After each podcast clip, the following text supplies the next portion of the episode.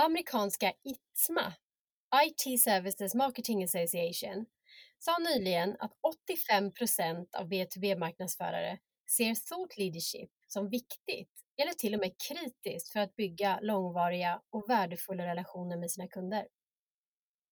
Jag heter Maria Hagman och du lyssnar på Crescendos B2B-podd om content marketing och thought leadership.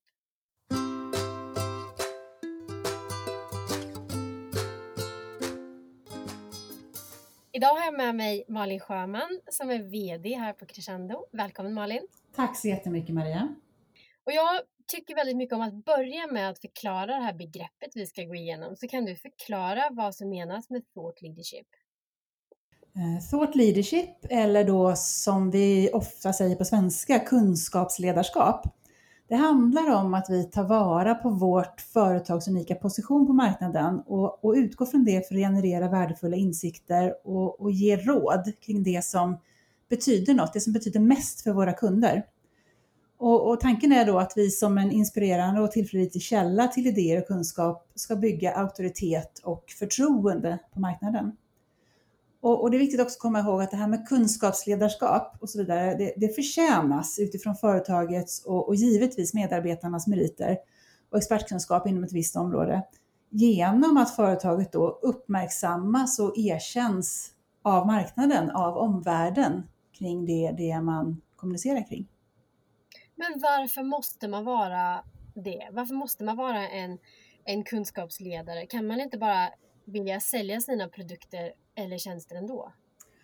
Nej, men vi rör oss ju i en, en ganska komplex värld, framförallt, framförallt vi och många av våra kunder som jobbar med kvalificerade lösningar. Det kan vara komplexa konsulttjänster eller avancerade molntjänster eller, eller eh, olika typer av kvalificerade lösningar som kombinerar produkter och tjänster.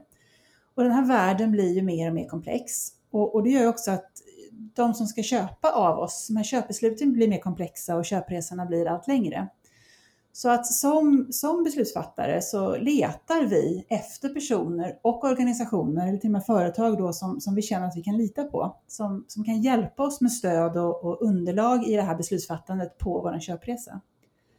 Så Leadership handlar också om att bygga sitt varumärke eller bygga credibility? Ja men absolut, jag tycker det finns väldigt tydliga kopplingar mellan det här med att bygga varumärke och bygga thought leadership. Det är någonting som vi har som ambition i vårt företag att bygga ett starkt varumärke och det kan mycket väl vara ett kunskapsledarvarumärke och vi, vi sätter upp en plan och vi jobbar metodiskt för att göra det. Men i slutändan så är det ju omvärldens bedömning och omvärldens uppfattning av oss som kommer, som kommer styra. Mm. Så det finns absolut kopplingar. Och, um, just det här med thought leadership, det handlar ju då, det, det, tar ju sin utgångspunkt just i att bygga ett varumärke kopplat till, som, som månar om att bygga förtroende och, och, att visa på vad företaget, eh, vad företaget kan och, och, hur man kan hjälpa kundföretaget att utvecklas och, och vad, vad det egna företaget briljerar här då. Men det handlar ju mm. också förstås om att, att eh, inspirera till nytänkande, nya möjligheter, nya lösningar som verkligen hjälper kunderna att nå nya höjder, lyckas och, och så i slutändan göra mer affärer. Mm. Du måste bygga upp företagets position som thought leader metodiskt och under en längre tid. Ja, men absolut, det handlar ju om att, precis som du säger, bygga upp och, och förtjäna ett förtroende och det är ju ingenting som man gör eller som sker över en natt. Och det betyder att vi måste arbeta metodiskt med att etablera och förstärka den här positionen som vi vill ta och hur vi vill ska uppfattas av våra kunder och inte minst de vi vill ska bli våra kunder. Så här igen har du de här likheterna mellan thought leadership och ett så här metodiskt varumärkesarbete. Mm. Och, och, det är precis här som, som kopplingen till content marketing kommer in. Vi brukar ju beskriva content marketing som, som arbetet vi gör för att, att dela kunskap och erfarenheter och inspiration som finns i vårt företag för att väcka intresse och, och bygga förtroende och i slutändan få in mer affärer. Kan man välja att satsa på det ena eller det andra då, eller går de hand i hand? Är, är att bli en kunskapsledare målet och content marketing taktiken? Ja, man ska säga så här, i, idag när en sån otroligt stor del av dialogen är digital i sälj, säljresan eller säljprocessen och köpresan, och, och, den sker på nätet och i sociala medier och på mail och, och på Teams i väldigt hög grad idag. Då. Så det är otroligt svårt att, att bli thought leader utan att arbeta med content marketing. För, Mm. för hur, ska vi, hur ska vårt företag kunna visa på ett kunskapsledarskap om vi inte delar med oss av bra relevant content? Så, så är liksom en, en, en, väl, en väl utarbetad content marketing-strategi hjälper givetvis kunden att köpa, precis så som, som vi brukar säga. Men den bygger ju samtidigt företagets thought leadership genom att vi på ett inspirerande och intresseväckande och informativt och utbildande sätt delar med oss av det vi kan och det vi vet. Mm. Kan du berätta då om, om skillnaderna och likheterna mellan en thought leadership-strategi och en content marketing-strategi? Ja, men kortversionen kring det här med skillnaderna skulle man väl kunna säga att, att thought leadership i grunden tar ju sin utgångspunkt i företagets unika position för att dela värdefull kunskap och insikter. Medan vi när vi pratar content marketing, eh, precis som inbound marketing, är väldigt måna om att vi verkligen utgår från kundens behov och problem och sen visar på hur vi kan bidra med att hitta lösningar på de här. Men, men i en hållbar och, och framförallt en framgångsrik kommunikations och marknadsföringsstrategi så möts de här förstås. Alltså företagets kompetenser och erfarenheter matchar kundens behov och utmaningar och på så sätt så, så lirar de ju så bra tillsammans. Då. De, de flesta av de företag som vi på Crescendo jobbar med idag, våra kunder, de jobbar precis så här och även om man kanske inte har en uttalad thought leadership-strategi med sig så använder man sig av content och inbound marketing för att förmedla kunskap och, och positionera sig som en kunskapsledare på ett visst område. Mm. Och, och man, man, gör det kanske inte i syfte för att man vill bli en thought leader, men, men hjälper och stöttar och inspirerar man sina kunder på ett bra sätt så blir ju det liksom en, en bonus eller en bieffekt till ett fokuserat och dedikerat content marketingarbete. Mm. Men om vi lägger content marketing åt sidan och fokuserar på thought leadership-biten. Hur kommer man igång med att bygga sitt, sitt kunskapsledarskap? Eh, man börjar med att lägga strategin. Som i, som i allt marknadsföringsarbete så tror jag det är otroligt viktigt att ha en solid strategi som grund för, för arbetet. Eh, ITSMA då, IT Services Marketing Organization, eh, är ju en samlingsorganisation av, av tunga B2B-företag inom framförallt IT-kommunikation och har då medlemmar som Microsoft och Cognizant, eh, IBM, Verizon och så vidare.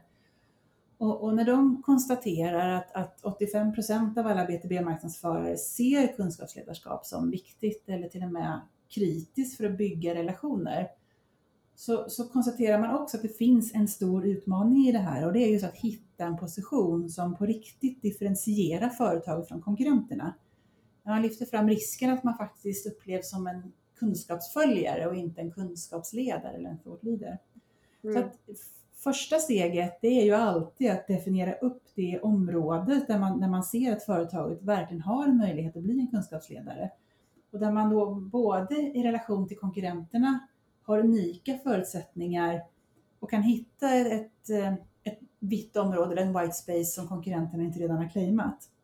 Men sen måste det ju självklart också vara ett område, vi vill ju i slutändan generera affärer, så det ska ju vara ett kunskapsområde som är, inte, är, är av intresse för kunderna och som faktiskt kan hjälpa dem framåt på, med sina affärer och sina möjligheter och, och väldigt gärna dessutom någonting som fångar upp eller kopplar till en större trend eller en större förändring på marknaden. För då har man störst chans att få intresse för det man, man pratar om.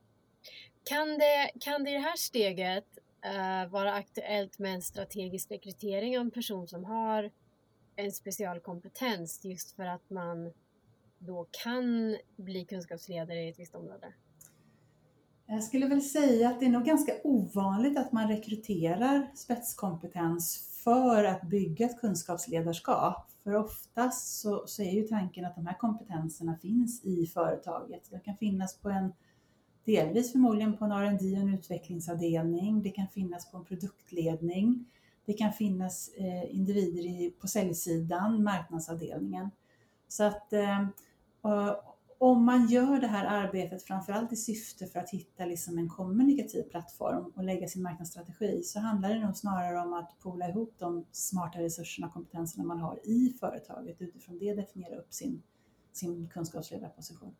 Mm. Sen kan man ju självklart upptäcka på, värld, på vägen att man behöver ytterligare kompetenser men det är, det är ofta ett annat syfte, det är för att man behöver stärka upp säljet eller behöver stärka upp utvecklingen eller behöver stärka upp på konsultsidan så man letar efter kompetenser då men förhoppningsvis då inom det här kunskapsledarområdet. Så det, det, är väldigt viktigt att det man sen erbjuder går hand i hand med det man kommunicerar, som alltid. Ja. Så att det, man redan har kärnan så att säga i, i det man vill föra fram. Ja. Vad kan du säga om, om contentet då som del av strategin? Ja, när man, har, när man då har det här klart för sig, vad, vad man ska bli kunskapsledare inom, då, då, kommer ju nästa utmaning och det är ju hur man ska få fram det här, hur man ska visa världen att man faktiskt är grym på det här området man har plockat ut.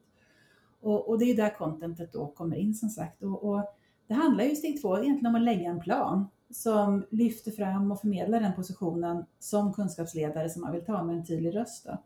Och förmodligen så handlar det om att varva olika typer av content. Det kan vara allting från marknadsanalyser, egna insikter och inspiration som man då paketerar som artiklar och, och white paper och kundcase och studier och, och webbinarier. Du vet ju alla typer av mm. content man kan använda. Eh, men, men nyckeln är här alltså att innan du börjar skapa fräcka powerpoints eller snygga, bjuder in till snygga webbinarier så har du en tydlig plan för vad du vill kommunicera och uppnå. Mm. Och, och, i förlängningen så handlar det om, precis som igen, precis som inom content och inbound, att du generellt att du faktiskt sätter dina processer och strukturer. Att du löpande producerar och presenterar och aktiverar relevant innehåll, relevant budskap, relevant content. Inte minst att du följer upp resultatet och, och ser, tar reda på om folk har uppfattat dig som den kunskapsledare som du vill bli. Mm. Och att du kan differentiera dig från, från andra. Precis, och tillbaka till det här, det är ju det ofta som är den stora utmaningen, att hitta någonting som andra inte, ännu inte kommunicerar kring. Mm. Kan en individ vara en kunskapsledare? Eller måste det vara en organisation? Nej men, nej, men jag skulle säga att enligt definitionen så kan en person definitivt vara en kunskapsledare. Och, och, här blir det ju superintressant. Det blir jätteviktigt att, att tänka till att om man i sin professionella roll Eh, kliver fram som individ, som kunskapsledare inom ett visst område så måste det ju faktiskt lira med företagets positionering och, och eventuella ambitioner inom stort leadership. Eller i alla mm. fall inte gå på tvären. Eh, I slutändan så är det ju verkligen summan av individerna och medarbetarna i företaget som, som bygger upp företaget och även företagets kunskap, kunskapsbank, kunskapsledarposition. Så, så utan kunniga och, och starka och kvalificerade medarbetare så, står du dig slätt. Utan vassa medarbetare så har du inget kunskapsledarskap. Har väldigt svårt att skapa ett. Strävar du efter att Crescendo blir en thought leader i, uh, inom content? Men absolut, och jag tror faktiskt att vi är en bra bit på väg. Um, vi får ofta den feedbacken att vi delar sånt som är både insiktsfullt och, och värdefullt och jag upplever att de flesta vi träffar har en rätt tydlig bild av vad vi, vad vi kan och vi står för. Så att det är definitivt ambitionen och jag tycker ju då att vi har en, vi är en god, god bit på väg och vi har också en plan som vi exekverar på. Mm. Så för att sammanfatta vårt samtal här så skulle jag då vilja säga att thought leadership är viktigt som en inspirerande och tillförlitlig källa för mm. idéer och kunskap. Och genom det så bygger man auktoritet inom sin bransch och, och bygger faktiskt förtroende för dem som är eh, kanske också branschkollegor men också blivande kunder.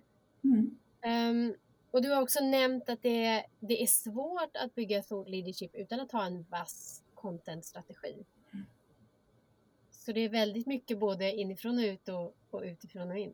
Absolut, utifrån och in för att fånga upp signalerna på vad som är relevant och, och inifrån och ut för att kunna visa på det som du och ditt företag kan bidra med. Så stämmer bra tycker jag.